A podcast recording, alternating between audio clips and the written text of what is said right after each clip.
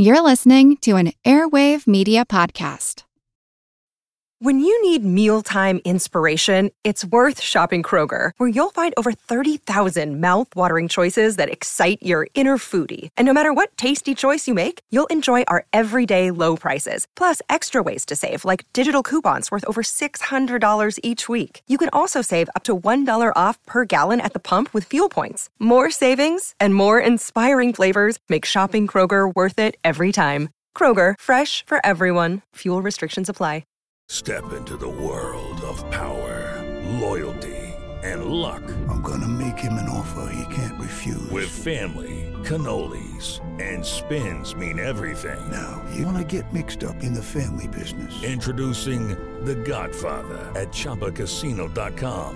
Test your luck in the shadowy world of The Godfather slot. Someday, I will call upon you to do a service for me. Play The Godfather now at ChumbaCasino.com. Welcome to the family. No purchase necessary. VGW Group. Void where prohibited by law. 18 plus. Terms and conditions apply. This is Kick-Ass Politics. I'm Ben Mathis. Hi, folks. Just a quick announcement. We're in the midst of a very important fundraising drive to come up with all of our production costs for 2016. So if you like kick-ass politics and you value what I'm doing here, then I hope you'll go to gofundme.com backslash kickasspolitics and donate what you can. It's vital that we fund our production budget for the coming year so I can focus my energies on the content side of kick-ass politics, which is probably a lot more involved than you might think.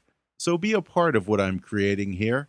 Just go to gofundme.com backslash kickasspolitics or hit the donate button on our webpage at kickasspolitics.com. If you go there now and donate something, anything, doesn't matter what amount, I promise I'll keep doing what I'm doing here and producing new shows for you every week. Thanks in advance, folks, and now enjoy the show. Welcome to Kick Ass Politics. I'm your host, Ben Mathis. Folks, I want to pitch you an idea that I have for a sitcom. Kind of a buddy comedy with political overtones. Now, hear me out. The premise is two powerful Washington senators one's a Democrat, one's a Republican, one's from the Deep South, the other's from the Midwest. And they go on a wacky adventure and find love on the open road. Okay, maybe not.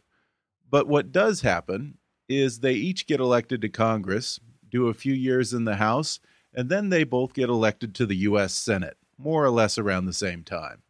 As senators, they work their way up the ranks and eventually both make it to the top as the leaders of their respective parties in the Senate. And that touches off a friendly little ongoing competition to be the top dog in the U.S. Senate. Over the next 10 years, both men learn not to get too comfortable in the big office as they ping pong back and forth between majority leader and minority leader. But when you're the two most powerful men in the Senate, you're insulated by chiefs of staff, press secretaries, aides, other senators, and it's hard to get anything done if you can't pick up the phone and talk to the guy on the other side of the aisle. So one day, these two get the bright idea to install a red phone between the majority leader's office and the minority leader's office.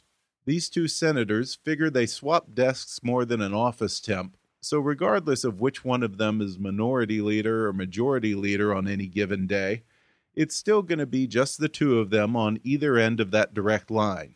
And when they do that, something crazy happens. The more they communicate, the more these two guys from opposite ends of the political spectrum actually get things done. After they retire from the Senate, they write a book and hit the open road to preach civility, bipartisanship, and mutual respect in the midst of the most rancorous political climate in modern memory. Their book is called Crisis Point Why We Must and How We Can Overcome Our Broken Politics in Washington and Across America and those two senators are Trent Lott and Tom Daschle. They say partisan politics has driven both parties so far to their extremes that many politicians are actually terrified of trying to work together and find middle ground for fear that the fanatical wings of their own parties will drive them out of office and replace them with someone even farther to the right or left than they are. Just ask former Senator Richard Lugar of Indiana, or Joe Lieberman of Connecticut, or ask Congressman Eric Cantor. Well, these two senators say that the Founding Fathers always intended for conflict and debate to be necessary parts of a healthy legislative process, but partisanship and outright nastiness have disrupted the process so badly that our lawmakers aren't really able to do much lawmaking at all, and they warn of an iron curtain descending on the U.S. Congress. We'll talk about that coming up in just a moment with my guests today former Senate Majority Leaders Tom Daschle and Trent Lott. Coming up in just a moment.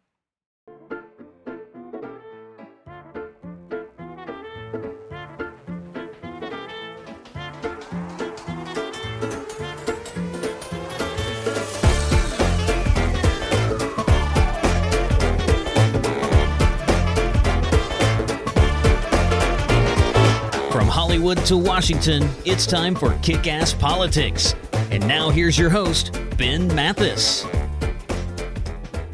Well, folks, some podcasts may have one senator. Occasionally, they may even have two senators. But today, I have in studio with me two former Senate Majority Leaders. Not not only that, but two two-time former Senate Majority Leaders, Senator Tom Daschle and Senator Trent Lott. Uh, guys, welcome to the podcast. Thanks Yeah, for coming for in. Having us. Appreciate it. Well, you have a new book called Crisis Point Why We Must and Can Overcome Our Broken Politics in Washington and Across America.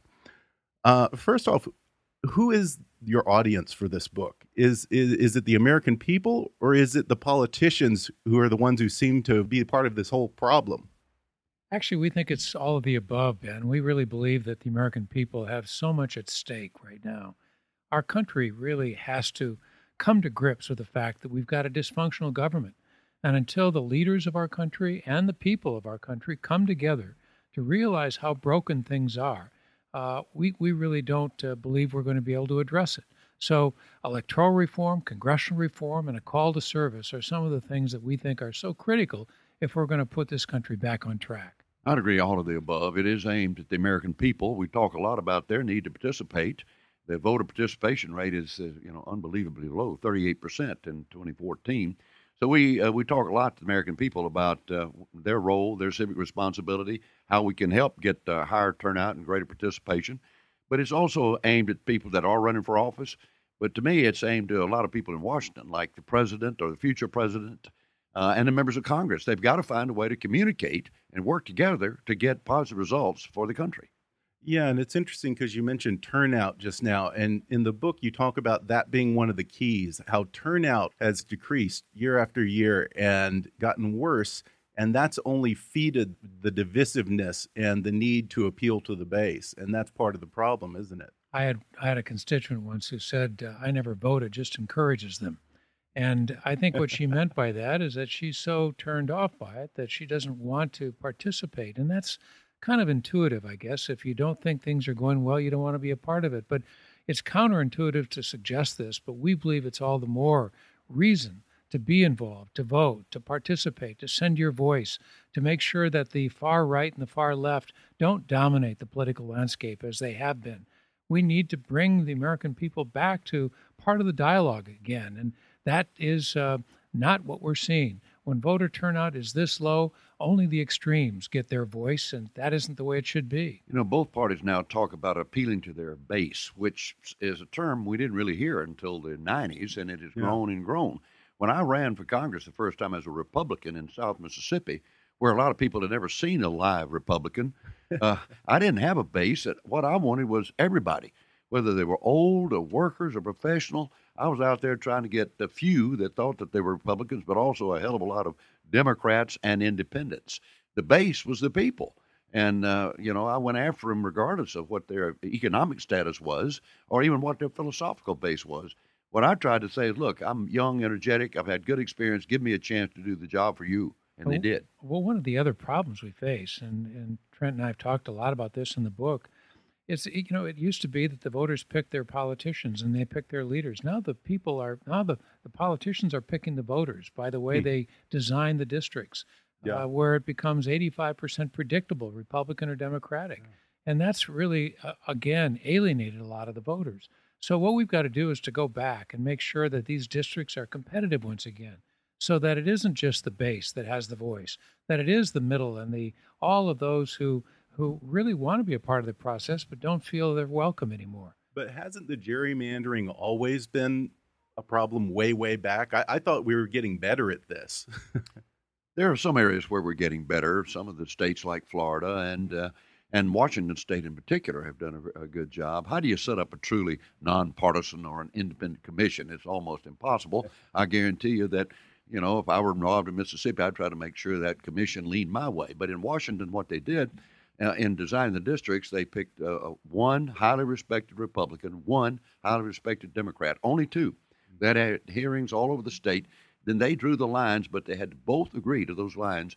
And the result was that people uh, all over the place felt like, hey, they did a good job. Now, you also, particularly in the South, you have the 1965 Voting Rights Act. Uh, so some of those districts are drawn the way they are so that there will be minority representation. Whether you agree with that or not, it is a fact that we have to come to terms with.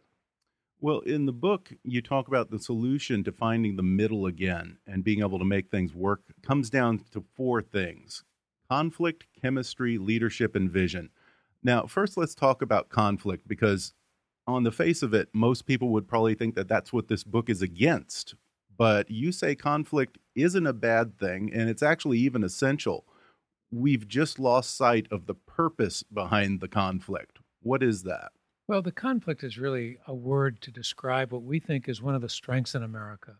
Trent feels feels strongly as a conservative Republican about things, and I feel strongly as a liberal and progressive Democrat. That doesn't mean we give up our identities as we seek, uh, search for common ground and in the middle. That conflict of ideas, that you could use the word competition for good ideas and good public policy, is really what it's all about. For 220 years, we've had extraordinarily effective competition for ideas. Sometimes it's about the role of government, sometimes it's about the vision for America, sometimes it's about new ideas we'd never thought of before. But it's that conflict, that competition between conservatives and liberals, Democrats and Republicans, that really bring out the best in both of us. Both of you served both in the House and the Senate, correct? Right. And the founding fathers originally described the House as the teacup with the boiling hot water, and the Senate was supposed to be the saucer where the water cooled down a little bit. Um, the more rational, the more rational, deliberative body.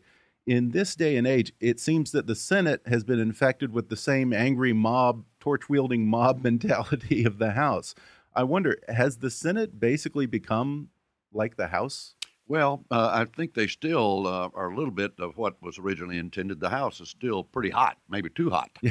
uh, and the Senate is, uh, you know, the cooling place and it's become cold because they haven't found a way to even get a result. Quite often, they don't even get to vote on the substance of a bill. But uh, you know, you you can work through that. When I was in the House for eight years, I was the Republican whip during the Reagan years, and we won uh, for six years almost every vote over and over again. And we did it by holding most of the Republicans, but not all of them, and getting a pretty good number of Democrats, including 40 or 50. But also, we had a president who would work with the Congress, Democrats and Republicans. He talked to us, he met with us, and to his credit, we had a liberal Speaker of the House of Representatives named Tip O'Neill. They were friends, a couple of Irishmen. They would have a little drink and laugh at each other. But Tip O'Neill made sure that President Reagan's issues were voted on. He didn't even have to do that. That was a special time in many respects.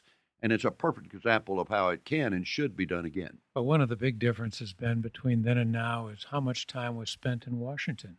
Back then, uh, Trent and I both moved our families to Washington. One of the reasons we had the chemistry we did is that we got to know each other socially. We got to do things together. And that built an environment that created the relationship that allowed the communication to move the legislation. That no longer happens. People leave on Thursday, they come back on Tuesday, and they try to run the country on Wednesday. They don't know each other like they used to. The money chase is a big reason for that. There are so many factors, but we've bashed Washington for so long. Now it's almost uh, uh, just unheard of to move your family to Washington. So if you can't spend any time there, you don't have the ability to, to, to do the kind of legislating and the and the kinds of things that are so critical to good governance, just as importantly today as it was back 30 and 40 years ago. And you know, the job is in Washington, after all. Yeah. uh, I went home every other weekend for 17 years. I stayed in touch with my constituency. They knew who I was, I knew them, and they were comfortable with that. And they gave me a lot of leeway because I kept communicating with them. Sometimes I led in a way they didn't always agree or vote the way I always agreed, but I tried to explain it. Communication is such an important part of governing, but also of making sure your constituents know what you're up to and what you're doing. I found they're very forgiving. Uh, if you explain that the, what is the rationale, remember, this is a Republican form of government. This is not where we govern by referendum. This is where good men and women are sent to Washington, in this case, the Congress, uh, to study the issues and learn what's uh, best for the country and vote accordingly. Yeah, and one of the things that I loved in here was uh, Senator Daschle. You said that you think one of the biggest enemies to bipartisanship is the airplane. well, that's that's really shorthand for uh, for what we were just describing. I mean, the airplane has made it so much easier for people to leave. In the old days, you know, you, you stayed. We, I had four paid trips when I first was elected to the Senate or the House in 1978. Four paid trips home, and um, and so you didn't have the luxury. Now uh, th- there's there's no limit. You can get paid for as many trips home as you want to make and people are gone because their families are in their states. They're that's they've got to go out and raise all this money. So there are all these reasons not to be in Washington. Over 50 members of Congress sleep on their sofas. That gives new meaning to public housing, but it's not really something we think is a good idea. But we've got to we've got to really go back to figure it out. One of the the, the, the ideas that we feel strongly about is Congress ought to have votes five days a week, Absolutely. three weeks a year, or three weeks a month, and um, and if they if you had Monday votes, Friday votes, and you had votes all that that that block of time, uh, people would look differently at how much time they've got to spend in Washington, get to know each other, and you'd finally start moving legislation. You know, legislating takes time, and the Congress is not just about passing bills or stopping bills. It's also about taking a look at what they did. They don't have time now when they come in and out of town so fast to really do investigations and hearings and oversight of agencies and departments uh, and that's I think that's one of the reasons why government continues to grow and expand, you know, endlessly. Uh, they don't take the time or have the time to do what needs to be done. Yeah, and I think back to you know, well, a number of senators, but in particular Liddy Dole, Senator Elizabeth Dole. She got ran out of North Carolina because they said that she didn't spend enough time in in the state. Well, and you have to do that. You, do, do you do, but, but, but you know, it seems that you know we we we obsess with building relationships with our constituents or with your constituents, but not building relationships with other senators and other congressmen. and that's, and that's it makes it very hard. Very, very important. You know, when when I was in the house, I lived on a street in Northern Virginia where our kids went to school, and on that same street was a Republican from Ohio and three Democrats from Louisiana. our kids played together. Our wives are friends. We uh, enjoyed each other's company socially. And when I was counting votes for Ronald Reagan in the House of Representatives and, and for the American people, uh, if I needed to get information about Democrats, I could go across the street and ask John Breaux, say, what's the deal? And he would speak to me honestly. I don't think that happens now. And it doesn't have to be. I think it's almost a false choice to say constituents or Washington. I think you can do both if you manage the time more effectively, if you show the leadership necessary to schedule that uh, allows uh, careful consideration of these extraordinary uh, challenges we face today and ways to solve them. In this digital technological question. age with the internet, it ought to be easier to do that. No question. Well, all of this speaks to the second point that you make in the book, which is what you guys call chemistry. Now, we're not talking about, you know, the eHarmony, you know, match.com chemistry, but but there is kind of almost a similar element to this. So, explain the kind of chemistry that you're talking about among legislators. Well, first of all, it's uh, respect for uh, people of different points of view. Uh, in the case of Tom and me, we not only communicated a lot, we even had a red phone on our desk. When I picked it up, it rang only one place on Tom's desk. So we could talk around our staff sometime and without going through the media. We could talk directly about what we were trying to do on an important issue uh, for the country. So that was an important part of it. But also, Was it red? It was red. Yep. Okay. Uh, mine was. I think you couldn't lose. yes. You couldn't. Neither of you could launch a nuclear strike from it, though, That's right? right. Okay. But we, that was we, all. It was a we did- harmless phone, except for the fact that we could talk with each other. We did talk uh, quickly the day of 9/11 when we were both in our offices Oh, and bet. realized we were under attack. I, you know, I, he was the majority leader then, and I picked up the phone and he answered. I said, "Tom, I think we're fixing to be hit next. Let's we better get out of here. Order the evacuation of the Capitol," which he did. Wow. And so, uh, th- so that, but it, also it's a matter of trust. We agreed from the very beginning we weren't going to surprise each other. Uh, we tried to see, uh, you know, if, what needed to be done to get a result after 9/11. What, how did we do all the things we needed to do uh, for the, you know, airline industry that had been severely damaged from the city of New York City? When they hit New York, they hit America, and we passed a lot of positive legislation in the aftermath of that. And so we had to, uh, you know, communicate. And sometimes uh, our respective conferences didn't necessarily want to move, Hmm. and it, Tom and I would have to go to the floor and say, uh, ladies and gentlemen, this is about our country. We're calling this bill up, and we're going to vote today. And you know what? When you when we took that position, people followed. Leadership needs followership, but uh, most people will follow a true leader if you get out there and explain what you're trying to do. Um, I feel like we kind of lost that now. But it's almost impossible to overemphasize how critical chemistry really is.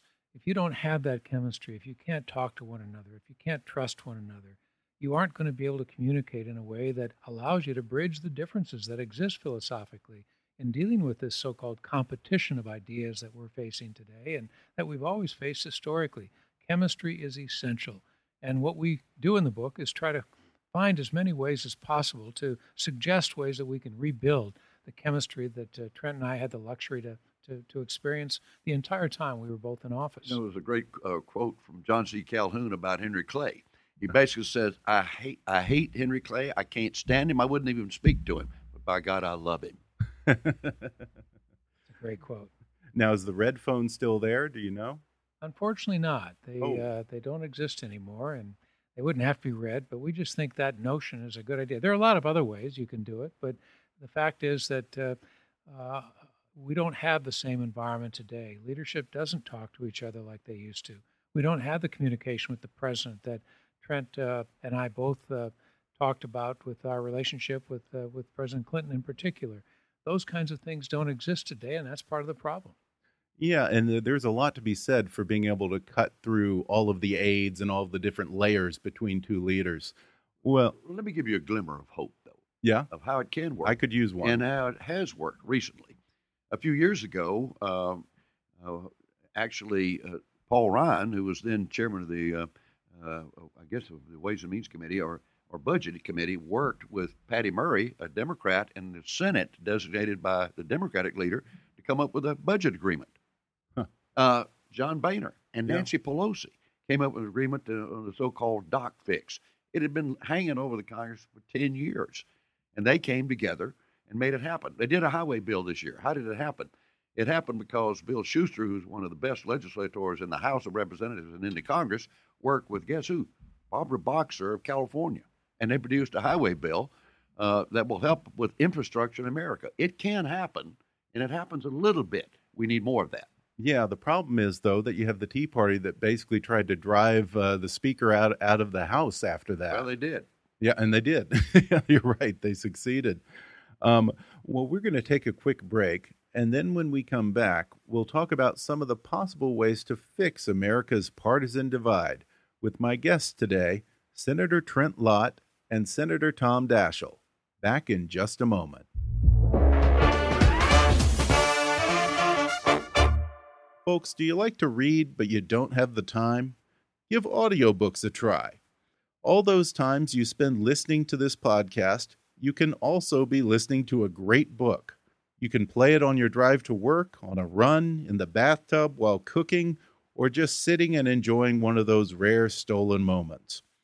And right now, you can download any audiobook you want for free with a special promotion for our listeners from audible.com. Just go to audibletrial.com backslash kickasspolitics for a free 30-day trial and a free download of any of Audible's 180,000 titles for your iPhone, Android, Kindle, iPad, or MP3 player. That's audibletrial.com backslash kickasspolitics. Or click on the sponsor link on our webpage to download the free audiobook of your choice. And now, back to the show. We're back, and I'm talking with Senators Trent Lott and Tom Daschle about their new book, Crisis Point. One thing that comes up in here that's interesting is that uh, Senator Daschle's successor, Bill Frist, campaigned in South Dakota against him in 2004, which you guys say that nobody nobody used to campaign against their colleagues in the Senate, and that's a relatively new phenomenon. And it seems that when you do that, that's kind of hard to come back from. Well, it's hard to shake hands and break bread know, after you after you've done that. with leadership positions. Yeah. Because the leaders of all people have got to be able to communicate and talk and respect each other. And if you go in, I mean, it was an unwritten rule. I don't, I don't know of any example where that happened before. And uh, when I was asked about it at the time, would I have gone in a campaign against Tom Daschle? I said, absolutely not. And I'm saying this as a Republican. It seems to me that when we're talking about this particular problem, that the the larger part of the problem right now is coming from our side. Am I right, Senator Lott? Well, again, I think there's plenty of blame to go around, but uh, Right. yes, uh, our candidates that are running for president have been pretty shrill in how they've handled themselves, and I'm talking about Cruz and Trump too. Trump too. Uh, but uh, you know, uh, it it doesn't, in my opinion, it shouldn't shouldn't be the way it is now. It, it has gotten clearly more coarse. But the debate is, is not just philosophical. It's not just a, a, a right left or a conservative liberal. It's also tactical. It's do you find common ground or do you stand your ground? And there are many who believe that compromise is capitulation. You can't run a country this complicated in a democracy and not find common ground. It is not capitulation. To stand your ground and never compromise is just another uh, way to, to, to describe dictatorship. We don't we don't support dictatorships in this country. We support those who find compromise and common ground to take into account the country's diversity philosophically and demographically and in every other way. We've got to find that. Our founding fathers set the example for finding common ground. We've got to continue to do that in 2016. Well, let me speak up uh, and answer to your previous question in defense of the Tea Party. yeah. Uh, I knew a lot of the people that were, uh, you know, in, involved in that early on. The people I knew were concerned about the, the size of government, uh, uh, the deficit, uh, the spending, and that was sort of the, the driving force. I think that that element now has been co-opted by the, the later iterations that we're having to deal with. But, uh, you know, a lot of what Congress and American people need is not partisan or political. For instance, the Senate is going to be taking up a bill here in the next few days on energy policy. Now, energy is uh, part of the strength of America. Now, the, the impact it's having on lower, uh, you know, gas prices is I don't know. We can't quite tell how that's going to turn out. But this bill will will provide for more energy efficiencies. Will provide for more uh, grid where you can get all kind of fuels connected into the grid. Uh, it it allow for export of liquefied natural gas. Uh, now you'll have tough amendments. You'll probably have amendments on what's going on with coal. You'll have other amendments that will be pretty controversial. But in the end, having a strong energy policy is good for America. They need to find a way to get that done. Yeah, yeah, absolutely. And you know, but isn't part of the problem that people in y'all's position are just terrified of getting primaried at this point? I mean, if you Oh, yeah. veer from the standard party line in any way, you're under threat that you'll yeah. be driven out of town on a, on a rail. Well, we've given uh, Dick Lugar uh, of, of, of the title of, of, of a, I mean, to ha- he's he's characterized as a verb these days. People don't want to get Lugared. You know, Dick Lugar lost his primary, maybe for a lot of reasons, but one of them is that he was such a compromise uh, advocate and and found common ground with his colleagues on a lot of issues. He was a strong, strong conservative, and and yet he found common ground, just like Ted Kennedy did on the left. But he was penalized for that, just as Bob Bennett and Michael Castle and so many others, Blanche Lincoln. I mean, it happens on both sides. And that's exactly why we've got to look at the primaries, because it's the primaries that are really driving a lot of this fear and intimidation. People are afraid of getting primaried today, of getting Lugared, and that's got to change. It's true in both parties, but I think it's particularly true in the Republican Party. Now, uh, uh, but if you see a Republican right. that loses his or her seat, it's probably because they lost in a primary. Uh, and and I realize you know people are worried about, but but remember, if you're in the House of Representatives, you only serve two years, so you're really up every other year. You're really up all the time. You're running all the time. But remember also, we were designed to be citizen legislators. It's not supposed to be something you inherit and that you take with you when you die.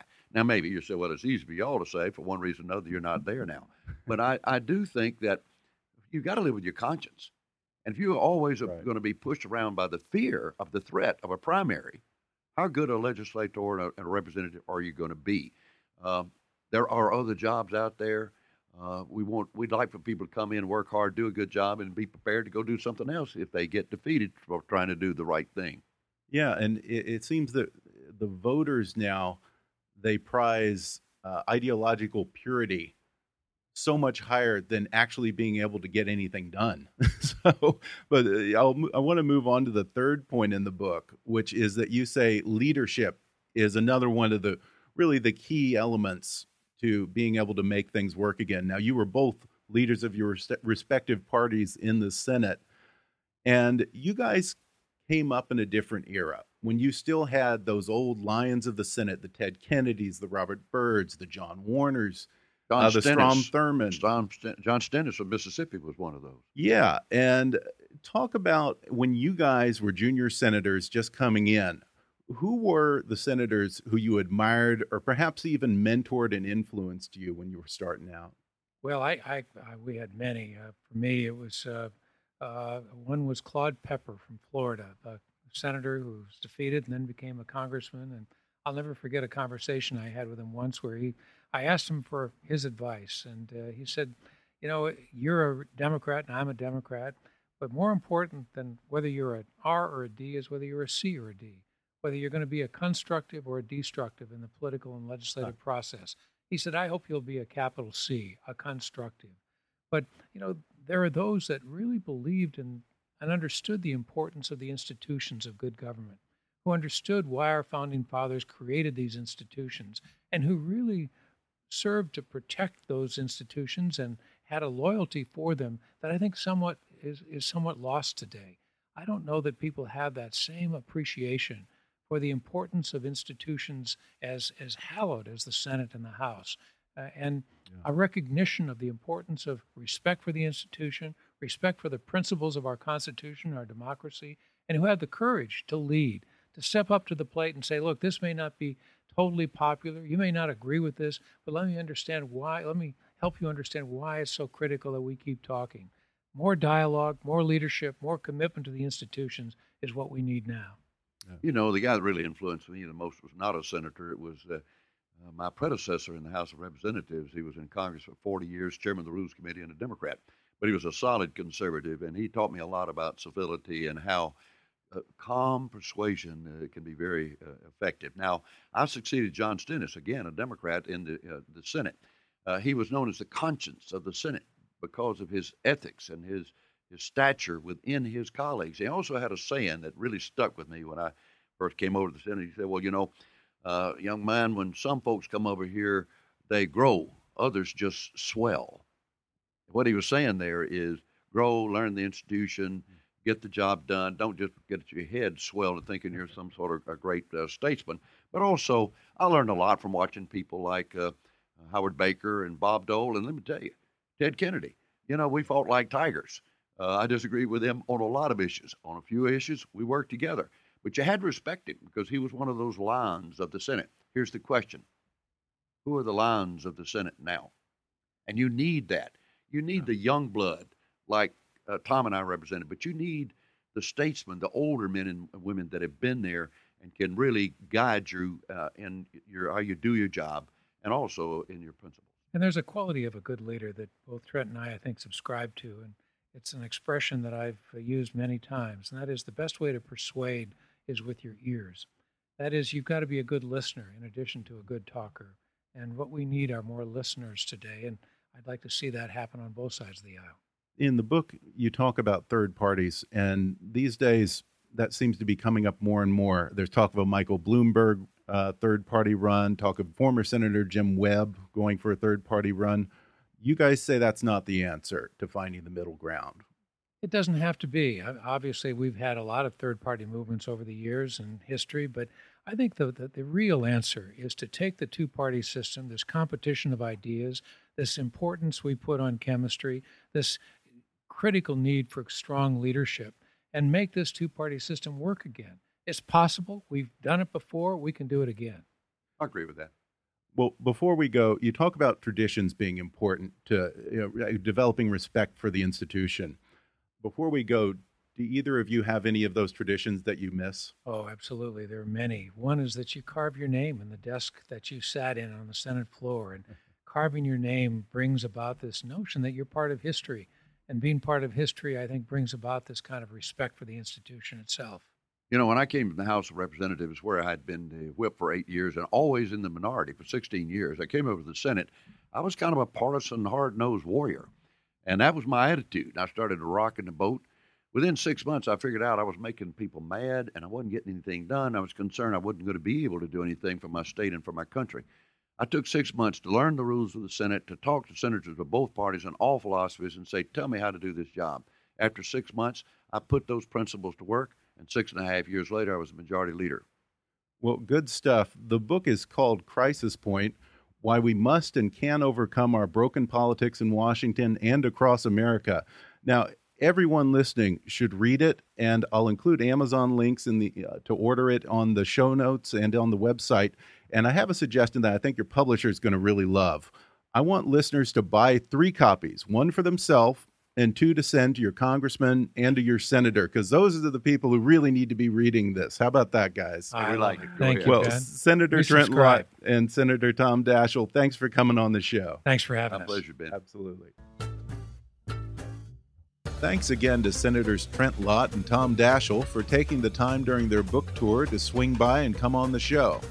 If you enjoyed this episode, then check out their new book, Crisis Point Why We Must and How We Can Overcome Our Broken Politics in Washington and Across America. I'll include an Amazon link in the show notes for this episode and also on the website at kickasspolitics.com, where you can order their book. You can also support their work at the Bipartisan Policy Center, co founded by Senator Daschle, and where Trent Lott currently serves as a senior fellow. Go to bipartisanpolicy.org. Don't forget to subscribe to Kickass Politics on iTunes, and while you're there, leave us a review.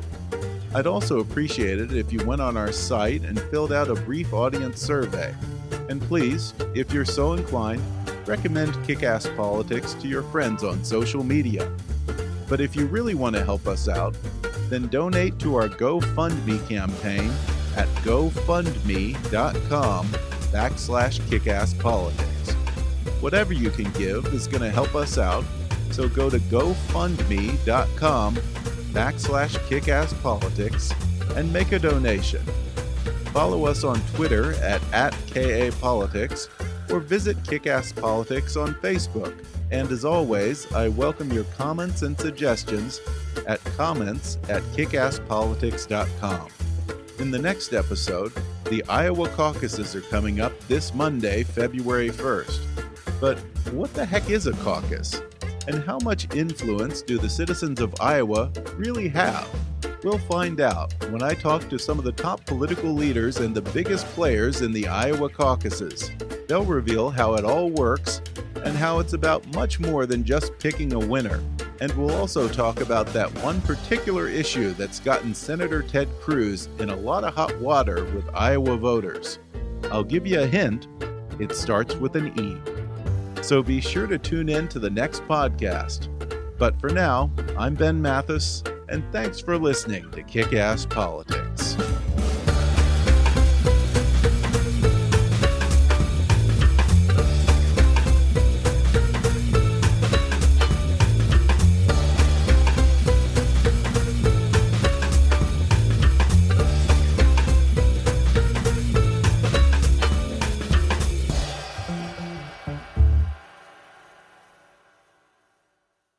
This podcast may not be reproduced without express written permission. Kick Ass Politics is a trademark of Mathis Entertainment, Inc.